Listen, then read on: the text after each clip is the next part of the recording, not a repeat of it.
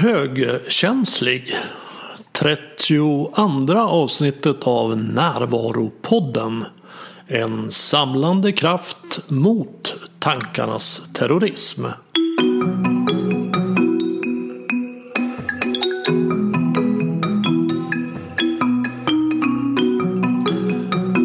Det här är Bengt Renander. Först. Den 4 april håller jag en föreläsning i Stockholm om hur man kan stoppa tankarnas terrorism och istället vara närvarande i verkligheten. Oerhört användbar kunskap. Anmäl dig via fliken föreläsningar på min hemsida renander.nu. Föreläsningarna har hittills alltid varit fullbokade så anmäl dig i god tid om du vill komma. Dagens tema högkänslighet har jag fått från några av er lyssnare. Och har du någon person eller tema som du vill höra här så tveka inte att kontakta mig och enklast så gör du det via kontaktformuläret på min hemsida renander.nu. Idag träffar jag Marja Norlin som jobbar som högkänslighetsterapeut på Högkänslighet Sverige. Marja är själv högkänslig och förutom sitt klientarbete så föreläser hon och genomför utbildningar för högkänsliga. Vi pratar om vad högkänslighet är, om de fyra vanligaste personlighetsdragen hos en högkänslig. Om vikten att bli medveten om vad som händer i tankevärlden. Om vådan av synen på känslor som farliga. Om värderingar som skapar känslor. Om tillgångarna och fördelarna med att vara högkänslig. Vi pratar om mäns högkänslighet om att ha högkänsliga barn och vara en högkänslig förälder. Och om vikten av att se sina egna behov och att tillfredsställa dem. Här är Marja Norlin.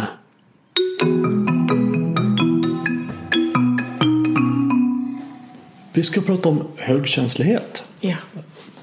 Och uh, om vi ska börja med bara, vad, är, vad innebär det att vara högkänslig? Jag kan börja med att berätta om hon som har grundat konceptet högkänslighet. Elaine Aron. Hon har forskat på det här i, i 20 år. Mm. Och, och, vad är hon? En psykolog? Amerikansk psykolog? Ja, eller? precis. Och forskare. Ja. Mm. Det är inte så att det här begreppet egentligen kom för 20 år sedan. Högkänsligheten har ju funnits. Mm. Nästan alltid skulle jag tro. Mm. Men psykologer och terapeuter innan har ju sett det här draget. Men inte fått en benämning på det utan det har mer kanske hetat bara neurotisk eller överkänslig eller ja, vad man nu säger för någon som har mycket känsligare mm, tankar. Kanske hamnat in under andra diagnoser också. Exakt. Mm. Och det har ju varit en diskussion också. Många som är högkänsliga tänker att de har en diagnos. Men det är inte en diagnos, det är ett personlighetsdrag. Okej. Okay. Ja, och, och, vad är det för personlighetsdrag? Då? Vad, vad, har man då när man är högkänslig? Vad är det för personlighetsdrag man kan hitta hos en sån? Mm. Elaine har gjort en liten eh, fyra olika små steg som hon anser att är man högkänslig så kan man känna igen de här olika fyra punkterna. Den första punkten är att vi har ett djupt bearbetande. Vi är personer som tar in mycket information. Vårt system, vårt nervsystem tar in fler signaler per sekund än en person som inte är högkänslig. Okej. Okay.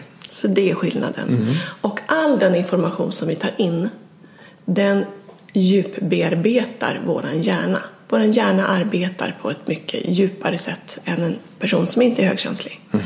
Vi har ett behov av att lägga ihop, liksom titta var sambanden finns, plocka från den andra informationen vi har redan bearbetat för att vi för, har ett behov av att förstå.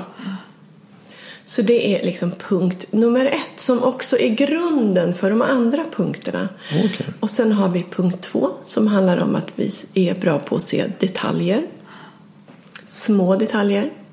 Till exempel som om jag skulle se att du har målat om din list här inne. Jag ser allt det där som andra människor ofta missar. Som handlar om små, små detaljer. Mm. En uppmärksamhet helt enkelt.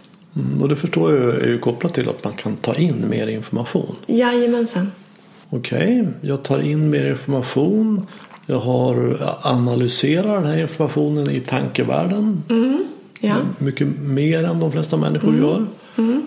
Okej, okay, och jag är till följd av att jag tar in mer information så kan jag se och upptäcka saker i tillvaron som andra missar. Ja. ja Punkt tre. Vi har en stark empatisk förmåga. Och det betyder att vi kan känna av andra människor väldigt bra. Läsa mellan rader. Ta in information om hur andra människor har det med sig själva, hur de mår. Bra på att leva oss in, känna efter. Mm. Så det är liksom den tredje punkten. Ja. Och det, det kan jag ju säga är ett, ett tveeggat svärd. Mm. Å ena sidan så kan man verkligen använda det till gott. För man kan se hur det är för andra och förstå dem. Och inte Mm. bara intellektuellt utan känslomässigt. Men Jajamensan. jag föreställer mig att det kan vara jobbigt också. Väldigt jobbigt. Det, kan ju bli, det är mycket information in i vårt system. Mm.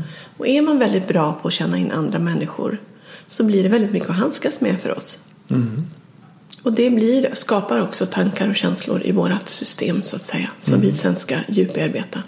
För oss säger du, du är också högkänslig. Jajamensan, för oss högkänsliga. Nu är det inte säkert att du sitter här och är högkänslig.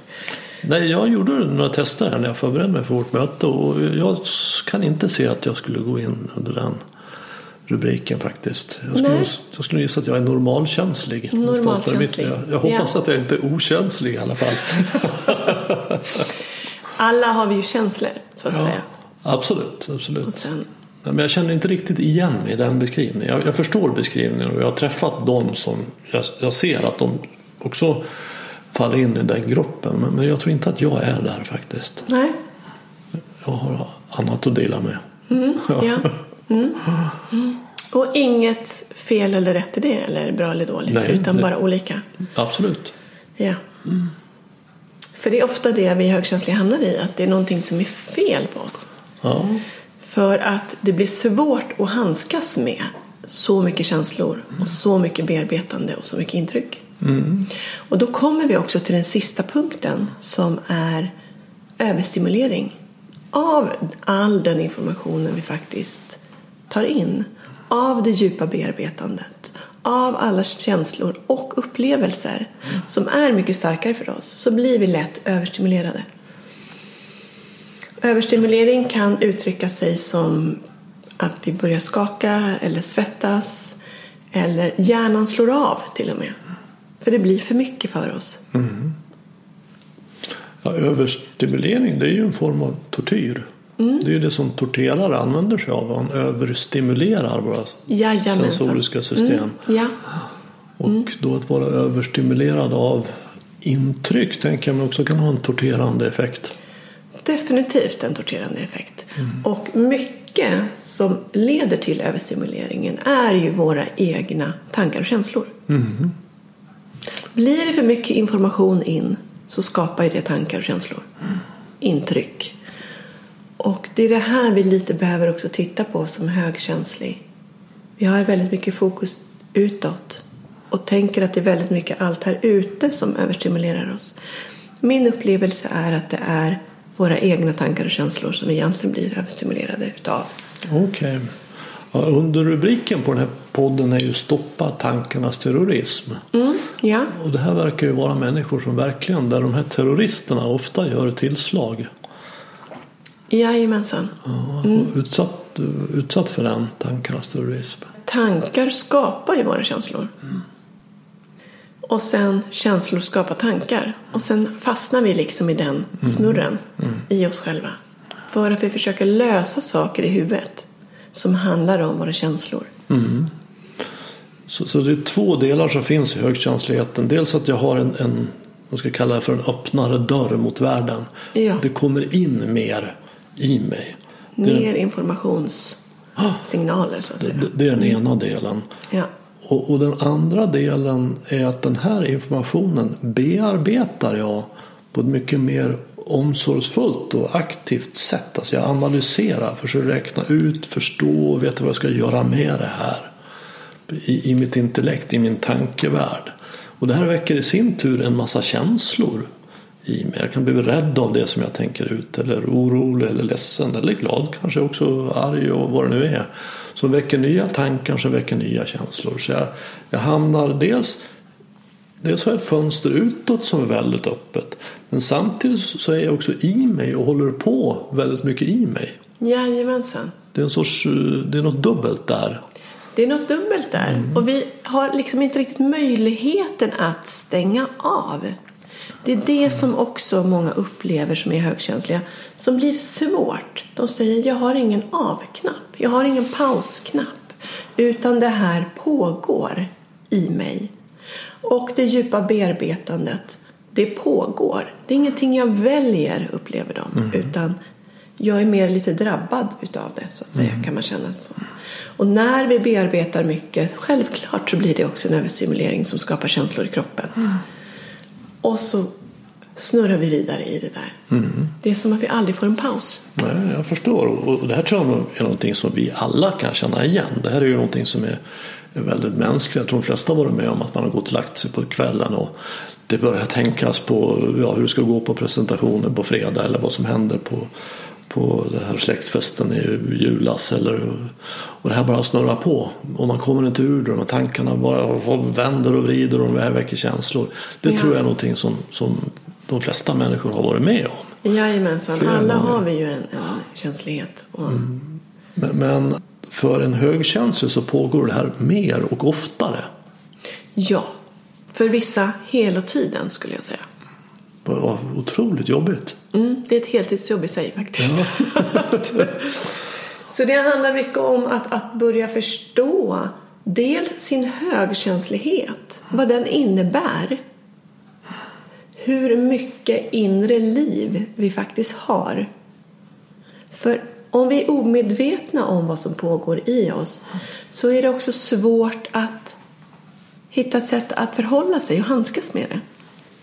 Jag förstår problemet för att man kan ju säga då det, det är det är som att ta en, en, egentligen vem som helst, någon som befinner sig i mitten, eh, mer vanlig och sen så förstärker vi, sätter en förstärkare på, på intrycken och vi sätter en förstärkare på bearbetningen. Mm, ja. Och där har vi ungefär en 15-20 procent av, alla människor skulle gå kategoriseras som högkänsliga. Mer eller mindre I, i den storleksordningen, var femte, var sjunde ja, människa precis. ungefär. Ja.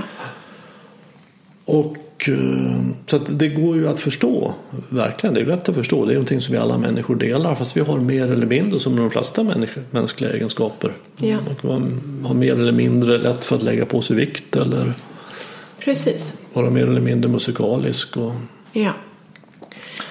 men jag förstår ju att det här blir plågsamt. Alltså att det kan vara plågsamt om man inte har några verktyg att bearbeta det här med. Det kan bli så pass plågsamt att man har svårt att gå utanför dörren. Faktiskt. Okej. Jag, jag föreställer mig också att man har lätt att hamna i olika former av missbruk. Jajamensan. Många som kommer till mig är faktiskt under medicinering. För att slippa sina känslor. För det jag upplever, eller det jag ser överhuvudtaget i samhället är att känslor är någonting som är farligt. Så vi gör nästan vad som helst för att slippa våra känslor. Absolut, och det gäller ju inte heller bara högkänsla utan verkligen oss alla. Att Ja, vi är så rädda för att känna saker. ja, Och det blir lite paradoxalt med tanke på att det inte är farligt att känna. Nej, känslan i sig är ju inte farligt. Nej. Men här kommer vi också in på att vad är det som skapar känslan? Vi måste titta på våra värderingar bakom våra känslor. Mm. Så säg lite mer om det. Vad, vad, vad är värderingar för dig? Hur, hur tänker du där?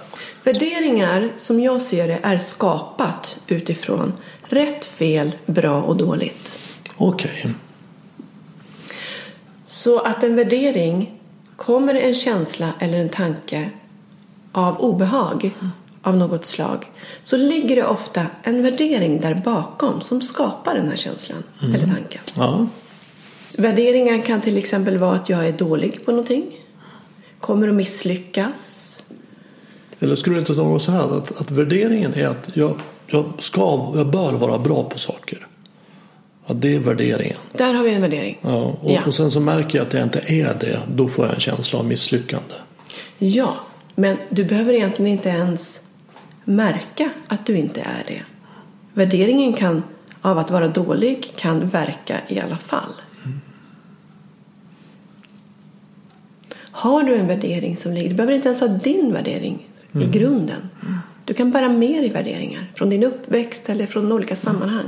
Mm, så att en värdering är att jag är dålig, vill säga det, att jag har lärt mig att jag inte fått beröm eller kärlek eller ja, uppskattning. Ja, där skapar vi värderingar mm. som vi sen lever våra liv utifrån. Och de här värderingarna skapar i våra liv. Mm. Är det här någonting som är, speciellt påtagligt för högkänsliga? Jag tror att vi alla lever med olika typer av värderingar. Mm, och värderingar är våra sanningar om oss själva ofta. Okej. Okay. Jag har till och med till exempel haft en värdering om att jag som när jag kommer hit och ska spela in en podd. Mm. Det ligger en stress av att jag inte vill misslyckas. Och då kan jag också titta bakom den här stressen. Stressen är ju känslan. Mm. Vad ligger bakom den här stressen? Jo, men det ligger faktiskt en värdering av att jag kanske inte känner mig duktig, mm. kompetent. Eller vad det nu skulle vara. Mm. Som skapar stressen. Mm. Och det jag kan se är att jag inte skulle vara kompetent. Jag vet inte ens om den värderingen tillhör mig i grunden. Mm. Jag är uppväxt med en pappa som där skulle man vara väldigt kompetent. Och han pratade mycket om att vara kompetent. Mm. För att han någonstans själv kände sig hela tiden okompetent. Mm. Och jag har liksom ärvt den där. Okay. Kan man säga. Så du lärde dig på något sätt då att, att jag är inte kompetent? Ja, för jag kunde aldrig greppa vad det var att vara kompetent. Nej. Och du hade väl heller inte en upplevelse av att han tyckte att du var kompetent? Nej, precis. Så någonstans där. Jag liksom upplevde mer hans egen brist mm. på kompetens som han kämpade för. Så den här värderingen blev en typ av sanning som du ja, upprepar för dig själv? och jag kan känna att den sitter i min ryggrad någonstans. Mm. Och den slår till då och då. När ja. jag ska liksom utsätta mig för någonting. Ja, så kommer komma hit den där. Till exempel. Pang, säger det. Ja. Och jag har inte egentligen misslyckats så där väldigt stort någon gång så att jag egentligen skulle ha kunnat skapa den själv. Mm. Men jag har den med mig på något sätt. Ja. Mm. Okej, okay, och det här tror jag många känner igen sig i. Att man har olika typer av självbilder eller självuppfattningar eller sanningar om sig själv eller värderingar om sig själv. Man går och upprepar. Jag kan inte sjunga eller jag är för tjock eller jag har för stora öron eller vad, mm. jag är för tråkig mm. eller vad det nu är. Ja. ja är det här, för, för, ska du berätta lite om vad du arbetar med, vad du gör? Ja, jag sitter ju och vägleder till vardags så att mm. säga. Jag tar emot klienter. Mm. Mm. De flesta av dem som kommer till mig är ju högkänsliga. Mm. Och då tittar vi mycket på, det de ofta kommer till mig för är att de sitter fast någonstans i sitt liv. Upplever att de inte kommer vidare. Mm. Upplever att de har brist på energi. Upplever att de inte förstår sig själva i grunden. Mm. Och sen, ibland är de inte medvetna om att det är det som är problemet. Jag förstår mm. inte mig själv. Mm. Utan jag upplever bara att jag sitter fast i mitt liv. Ja. Och det som jag ofta ser är att det finns känslor, tankar, värderingar i den här människans liv mm. Som egentligen är problemet, är mm. det som stoppar. För när vi har känslor som vi inte vill närma oss då försöker vi ta oss därifrån. Mm. Och när vi tar oss, försöker ta oss ifrån oss själva så att säga, det som pågår i oss själva mm. då kommer vi liksom inte vidare i livet riktigt. Nej. Då är det lite som att vi lever bredvid oss själva. Det vi behöver göra då, det är, som jag då försöker hjälpa till med, är att liksom vända tillbaks blicken in till dig själv och ta reda på vad är det som pågår. Vad är det för någonting som sitter fast? Det jag ofta ser och det jag ofta hör är att man mår inte helt bra. Det är känslor som är grunden. Tankar, känslor, värderingar om saker. Uppfattningar om sig själv. Sanningar. Som blir vårt liv. Och när vi känner att vi har fastnat då har det blivit så pass mycket vårt liv så vi inte kan riktigt leva det längre. Utan vi sitter fast i vårt eget huvud egentligen. Och, och det här är ju också någonting som jag känner igen både från mig själv och från klienter. Det här är ju någonting som ingår i att vara människa. Ja. Men, men jag gissar att, att för den som är högkänslig, alltså när jag får in ännu mer intryck Ja. och håller ännu mer på att analysera och, och tänka kring dem Ja. så blir det här ännu starkare. Det blir mer dramatiskt Ja. och det blir svårare. Jag, jag brukar ju, en bra metafor tycker jag för vårt inre är en tornado. Alltså att vi, Mm. En tornado är en väldigt kraftfull, den snurrar och den suger upp eh, träd och hustak och bilar. Och, Ja. men i centrum av en tornado så är det helt stilla. Ja. Men grejen är att det finns ju en centrifugalkraft i en tornado som gör att man sugs ut dit. Ja. Och då man är där ute så det kan vara så att man de flesta som är där ute de vet inte ens att de är där. Nej. De tror det är verklighet. Jajamensan. Ja. Men sen med stegen i utvecklingen att jag vet att jag är här ute men jag kommer inte in till centrum. Utan jag får träna upp min närvaromuskel så att jag kommer in till centrum. Men jag tänker mig att för en högkänslig så snurrar den här tornadon ännu fortare. Alltså det är en ännu större centrifugalkraft där. Så det är svårare för mig att komma in till centrum. Men det finns ju ett centrum där. Det finns ju en plats i varje människa som är stilla. Där vi hittar sinnesro och frid och visdom, kärlek, humor, kreativitet. Men att som högkänslig så har jag en väldigt snabbt snurrande tornado. Är det en bild som du känner igen eller? Det är en väldigt bra beskrivning. Jag säger det som att jag springer bredvid mig själv. Och jag ser också känslan i sig som en tornado. För den, känslan i sig är bara energi som rör sig i kroppen uppåt. Den vill ut. Det vi gör när det känns obehagligt det är att vi börjar hålla emot känslan. Vi vill därifrån. Vi vill hoppa av känslan. Och det har vi ofta arbetat upp olika taktiker för. Det du säger, lugn. Där i mitten finns det egentligen en lugn punkt. Jag skulle säga, kan vi vara tillåtande för vad som är där?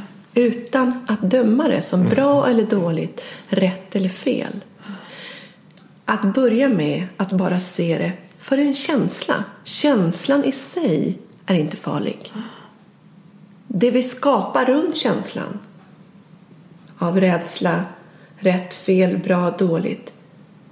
Det är det som blir vårt problem. Mm. Det ökar hastigheten på tornadon. Blir. Jajamensan. Och då måste vi fly därifrån. Men flykten gör att vi hamnar där ännu mer. Det här uttrycket vi pratar om, what you resist persist.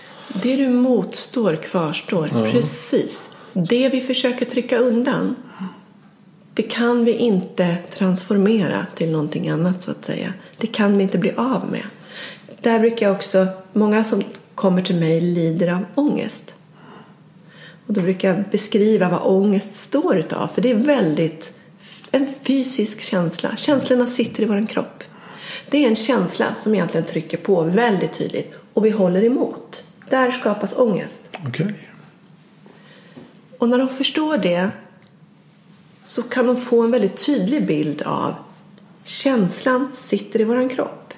Och det vi gör när känslan kommer det är att vi går upp i huvudet och så försöker vi förstå och lösa i huvudet. Och där börjar vi lätt att älta. För ibland behöver vi inte ens förstå känslan utan vi behöver bara gå till känslan. För den är i våran kropp. Den sitter inte i huvudet. I huvudet kan vi skapa lidande. Men känslan sitter i kroppen.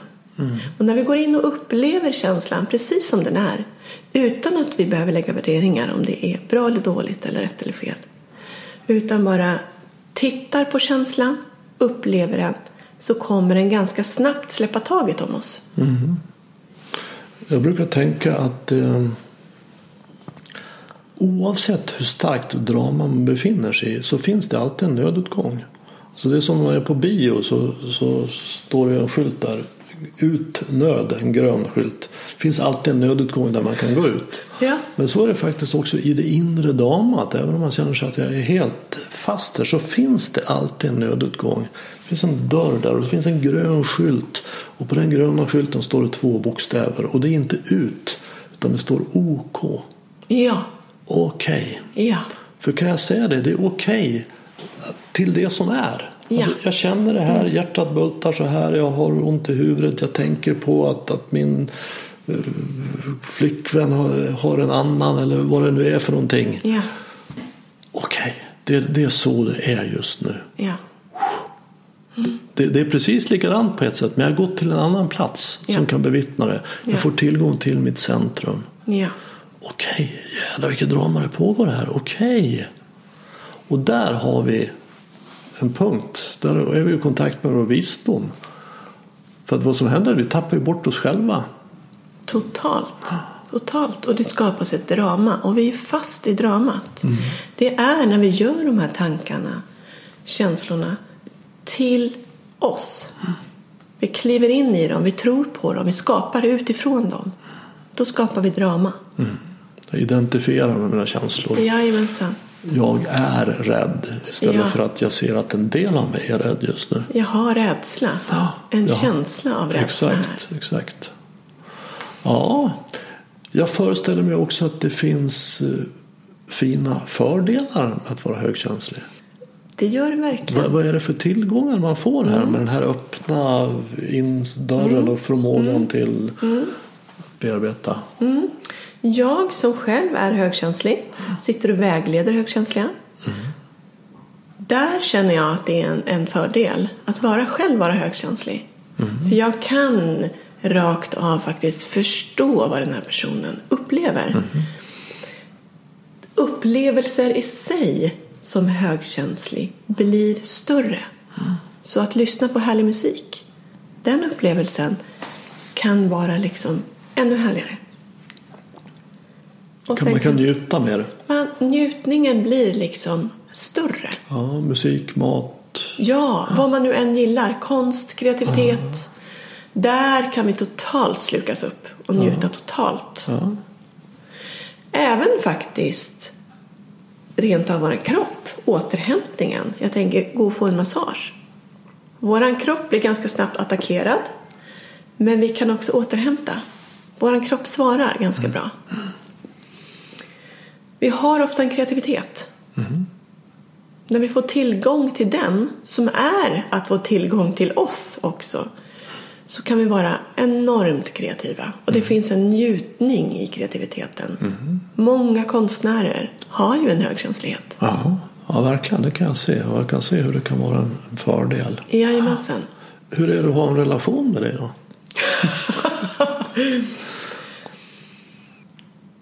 Så här, i- dagens läge när jag har jobbat väldigt mycket med mig själv så är ju det, tror jag absolut att det ligger på det positiva. Och vad är det för positivt jag får ut av det då? Jag har en stark inlevelseförmåga. Jag kan njuta väldigt mycket. Jag är bra på att se saker från olika vinklar. När folk ser tre olika vinklar, ja, men vi kanske ska göra så här eller så här, då ser jag 14. Jag förstår. Mm. Det är Jag ser tillgångar. många möjligheter som inte bara är två eller tre. Utan jag kan ha en bra inlevelseförmåga. Jag kan leva mig in från det hållet, eller det hållet, eller det hållet. Och det här är också förmågor man såklart kan öva upp. Men som högkänslig så upplever jag att vi har lite försprång i just det. Det är ju väldigt fina tillgångar. Ja, men det är det. Det är fantastiskt. När man lär känna sin högkänslighet och gör den här resan med sig själv som handlar om att lära känna sig själv. så kan man få de här positiva bitarna att faktiskt växa och de negativa att faktiskt krympa. Mm, ja, för det är ju så, så med allting. Det har två sidor. Det finns en styrka i svagheten och en svaghet Ja. i styrkan. Ja, och det gäller att hitta ett förhållningssätt. Börja förstå vad som funkar för mig och vad jag behöver och vad mina behov är. För det kan vara lite luddigt när man är högkänslig upplever jag. För man har väldigt lätt väldigt mycket fokus ut på andra människor, andra människors behov. För man känner av väldigt mycket, tar in mycket information. Och ett sätt som har varit för mig att handskas med all den här informationen, som jag också ska djupbearbeta, det är att försöka fixa, hjälpa till, finnas till hands. För det är så tydligt i mitt system. Så jag kan inte liksom ignorera det. Mm. Och när jag hör dig berätta om det här så då kommer jag att tänka på medberoende. Jajamensan. Det Väldigt måste vara ofta. Mm. lätt att hamna i. Ja. Det går säkert att vara medberoende utan att vara högkänslig och går att vara högkänslig utan att vara medberoende. Men jag föreställer mig att de, det är många som har båda. Jajamensan. Det är väldigt vanligt att högkänsliga har ett medberoende. När jag har läst på lite inför det här så har jag, mm, jag läst lite artiklar och lite sånt. Och alla som pratar om det här är kvinnor. Men, jag, men jag har också förstått att det, det är inte något kvinnligt fen- fenomen utan det är lika många män som kvinnor. Det är lika många män som kvinnor, intressant nog. Jag upplever att det är lite mer jobbigt för män som är högkänsliga. Män kanske generellt har lite svårare att hitta sina känslor. De män som kommer till mig kommer ofta lite undercover. Det är ingen som vet att jag är här. Och det är lite skambelagt att ha så mycket känslor. Att vara man och ha så mycket känslor. Så det är någonting som vi också behöver titta på hur vi gör med. Vad har vi för bild och relation till känslor? Det blir väldigt tydligt. Ja, vi har ju ett samhälle som hyllar maskulin energi och när jag pratar om det så menar jag att, att tänka och göra. Ja. Man ska vara handlingskraftig, ska tänka ut vad jag ska göra. Bra! Och för mig är då feminin energi att känna och vara. Så jag ska känna efter hur det är. Och jag är alltid väldigt noga med att understryka att det inte är manlig energi och kvinnlig utan feminin och maskulin. Och, vi både män och kvinnor behöver båda för att vara hela. Jajamensan. Men det är klart att som man så kanske man ännu mer vill då tycker att den maskulina energin är okej och min feminina energi vill jag inte, törs jag inte ta i. Alltså mina känslor. Det blir ju väldigt handikappat och många män är ju emotionellt handikappade. Ja, så är det tyvärr. Så att, att eh, jag tänker mig också att det kan, för att en, en riktigt härlig man det är ju en man som har kontakt med sin maskulina energi men också sitt hjärta. Ja. Det är en jädra träbock om man inte har kontakt med sina känslor. Man gör det väldigt svårt för sig själv. Speciellt om man är en man som har väldigt mycket känslor. Jag tror man gör det enormt komplicerat för sig själv. Och det jag upplever är att många män som är högkänsliga de försöker bevisa sin manlighet genom att så här, utmana sig. Ta lite droger, liksom försöker pröva. Man försöker vara någonting som man kanske inte riktigt är. Ja, och det vet vi hur det brukar sluta. Ja, det blir lite pannkaka av det ofta. Ja, man hamnar i dödens grotta och den gamla självbilden dör. Ja, Det är ju vad som brukar hända. Man får en existentiell kris. ja. Och det märker jag, det är det som förenar oss alla som är på den här vägen. Jag, ska, jag gissar att det kommer att visa sig att du har haft ett liv som, vi, som gick, det bara bröt ihop för det funkade inte längre. Och ur, så din gamla självbild dog och ur den askan så har du, du kommit in på den här vägen istället. Kommit hit. Så att du, har- du har det blev helt enkelt tillräckligt, för mycket smärta. Eller tillräckligt mycket smärta. Så är det en riktig beskrivning? Det är en riktig beskrivning. Att växa upp som högkänslig, att vara ett högkänsligt barn. Det, bara det är ju en resa i sig. Ja, vad är det för resa? Säg någonting om det. Ja, det ska jag verkligen säga någonting om. För det här är också ett begrepp som inte fanns när jag var barn. Så kunskapen har inte funnits egentligen om högkänslighet. Vad behöver en högkänslig? Mm.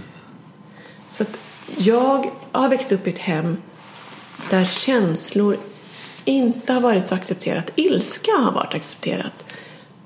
Så jag som ett högkänsligt barn behövde börja stänga av mig själv. För jag såg väldigt mycket, var medveten om väldigt mycket, började ställa frågor utifrån det jag såg och var medveten om. Och blev också ett ganska jobbigt barn med väldigt många frågor. Människor runt mig och mina föräldrar som gjorde så gott de kunde var inte så sugna på att se. Det är enklare att stänga av än att se.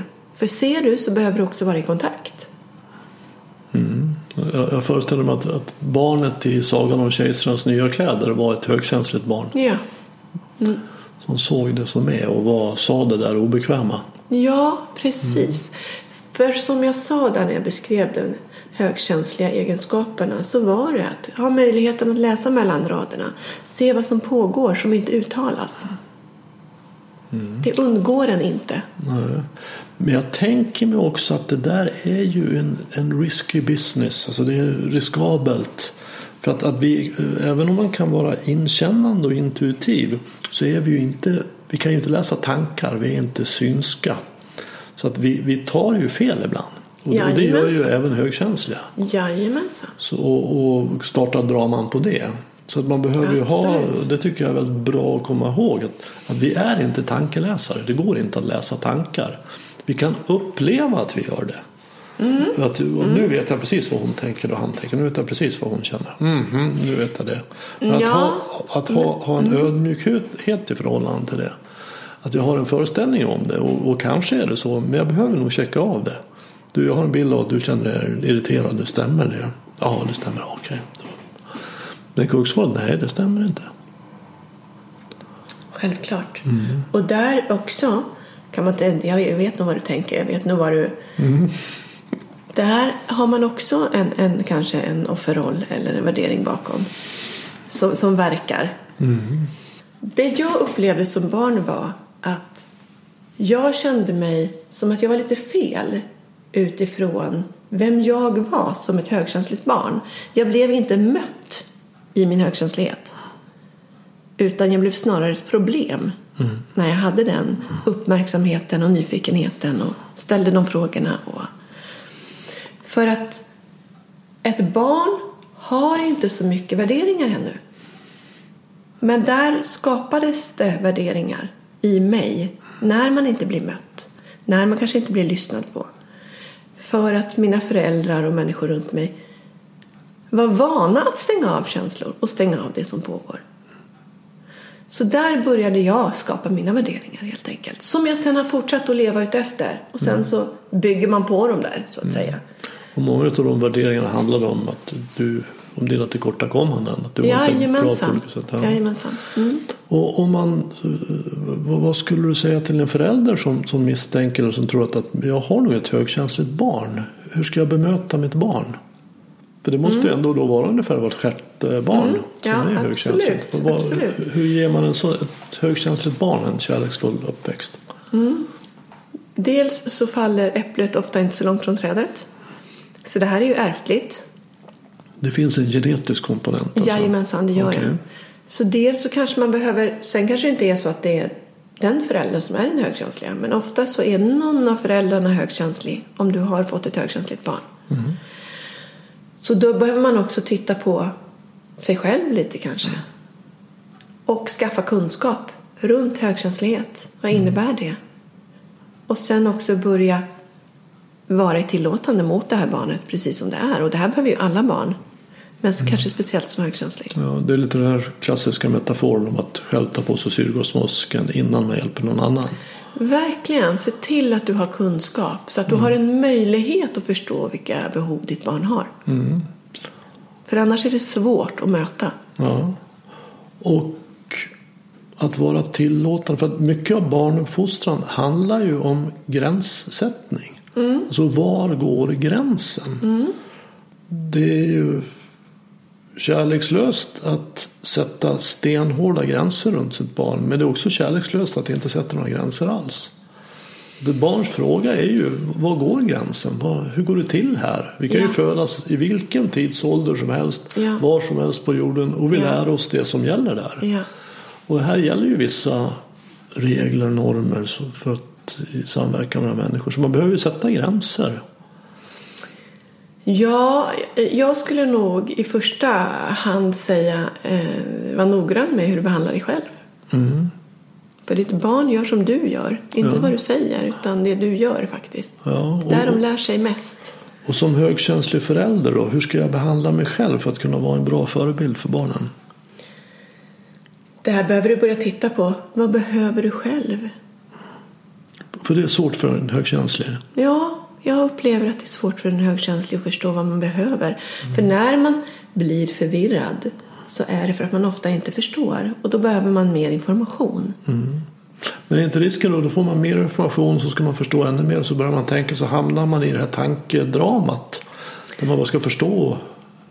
Det kan man absolut göra. Men det finns ju också verktyg i den här informationen. Och när vi ser och blir medvetna så kan vi också börja välja någonting annat. För medvetenhet är det som krävs om hur var vi gör och varför vi gör som vi gör. Som jag som förälder, jag har två barn.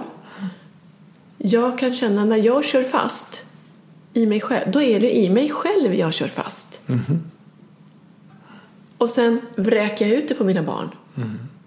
Så det jag har tillgång till i mig själv det har jag också tillgång genom då till mina barn. Absolut. Så, så att liksom fixa problemet där det finns. Jajamensan. Så är det jag som har problem med dig så behöver fix- fixa det där det finns. Nämligen att jag har problemet. Precis, och du står där som föräldern. Så då ligger faktiskt ansvaret på dig. Det är vad jag skulle säga som liksom punkt ett. Och sen kan man alltid i situationen också börja ta hand om sig själv som förälder. För det är jätteviktigt. Det är så pass krävande att vara förälder. Så vi glömmer lätt bort oss själva. Och till slut har vi liksom glömt bort oss så mycket så vi exploderar. Så hur, hur tar du hand om dig själv som förälder och högkänslig? Vad gör du för? Ja, vad gör jag? Jag försöker faktiskt lyssna in mina egna behov väldigt mycket och se när jag är trött eller när jag är irriterad. Och det jag ofta ser är oj, jag har glömt bort mig själv en stund där. Så vad är det jag behöver? För att jag ska bli liksom mjuk och snäll igen. Mm, Jag föreställer mig att det också kan vara av värde att ha vissa rutiner. Absolut vissa rutiner. Rutiner i dig själv. Man behöver hitta sin egen hygien skulle jag nog vilja säga. Och min hygien handlar om att vara, se till att jag är i kontakt med mig själv. För när jag börjar halka ur det så får jag ett resultat av det ganska snabbt. Och det är att jag inte är den jag vill vara. Mm, och- Och i min värld så är kanske det främsta hjälpmedlet för att vara i kontakt med sig själv är meditation. Ja, Är det någonting som du praktiserar också? Jag är faktiskt utbildad mindfulness-instruktör. Mm. Det här kan ju se väldigt olika ut för olika människor. Men vi behöver börja ställa frågan vad behöver jag? För det är ett sätt att ta kontakt med oss själva. Så vad behöver jag nu? Vi måste börja tillgodose oss själva. Och det vi märker är att många har ingen aning om vad de behöver. För vi har aldrig ställt frågan. Så det kanske bara kommer ingenting. Fortsätt att ställa frågan. Vad behöver jag? Sen kanske det kommer en liten svag röst där. Som säger. Ja men. Gud jag behöver kanske möta den här känslan som finns här just nu. Eller jag behöver gå ut och ta en promenad. Eller jag behöver ta tio djupa andetag. Eller jag behöver bara känna att jag är okej som jag är. Eller jag behöver ett snällt ord. Eller vad det nu skulle vara för någonting. För, för det vanliga det man är van vid är att man är så ute där och känner in vad andra behöver och försöker tillfredsställa det och tänka kring det. Så att man, man är inte i kontakt med Nej, sig själv då. man behöver börja vara i kontakt. För är du inte i kontakt då kan du inte få något svar på vad du behöver. Det är som att börja bygga sin egen grund liksom att stå på. Och när vi har byggt den grunden så vågar vi också vara i kontakt på ett annat sätt. För då faller vi liksom inte så långt ut på samma sätt längre. Och hur tycker du det går då att vara högkänslig förälder? Hur, Ja du. Jag är ingen eh, perfekt förälder på något sätt. välkommen i gänget. Eh, Jag halkar hit och dit och men jag kan liksom fånga upp mig själv i alla fall. Jag kan förstå att wow, nu är jag på väg ut här. Så vad behöver jag nu? Och ofta handlar det om att Gud, jag behöver bara förstå att jag har ett behov. Eller jag behöver bara förstå att jag är lite ledsen. Eller lite trött. Eller vad det nu är. För ofta ser jag att jag har stängt av känslan där. Och det är då jag glider ut. När jag inte lyssnar in så kan jag liksom glida ut. Så att bli medveten om vad det är som pågår i mig handlar det väldigt mycket om. För när jag blir medveten så kan jag också göra någonting åt det. Och alltså vad som slår mig när jag hör dig berätta om, om högkänslighet, både om dig själv och de, och de klienter du möter, är att det här är ju någonting som vi alla människor möter. Ja, Fast som högkänslig så, så möter man det mer. ja det, Det är- blir mer Det påtagligt. blir mer tankar, mer känslor, mer intryck, mer analys, men också då mer njutning och mer... eh, Det är helt enkelt mer. Men det är egentligen samma sak. Alltså det, det är ingenting som är speciellt främmande. Det är inte så att det är något helt nytt för att man är högkänslig. Det är eh, som att vara människa fast mer. Ja, Mm. precis. Okej. Ja. Är det en bra är- avslutning kanske? ja, och är det lite mer så behöver vi lite mer verktyg för att handskas med oss själva. Verkligen, verkligen. Och, och det jag hör dig peka på är ju kanske framförallt medvetenheten. Att, att stanna upp och titta inåt. Lära känna vad man känner. Ja, Okej, okej. tack för den här gången. Tack själv. Om du vill komma i kontakt med Marja eller lära dig mer om högkänslighet så finns en länk till Högkänslighet Sveriges hemsida i anslutning till det här poddavsnittet på min hemsida renander.nu. De har också en uppskattad podd som heter Högkänslighetspodden och du hittar även den på deras hemsida eller där du normalt lyssnar på poddar. Vill du stödja Närvaropodden i kampen mot tankarnas terrorism så gör du det bäst genom att tipsa om att den finns till vänner och bekanta. Det är också hjälpsamt om du betygsätter och skriver kommentarer på iTunes. Desto fler vi är som är vakna i verkligheten, ju mer kan vi förändra den på riktigt. På återhörande. Och du, var uppmärksam.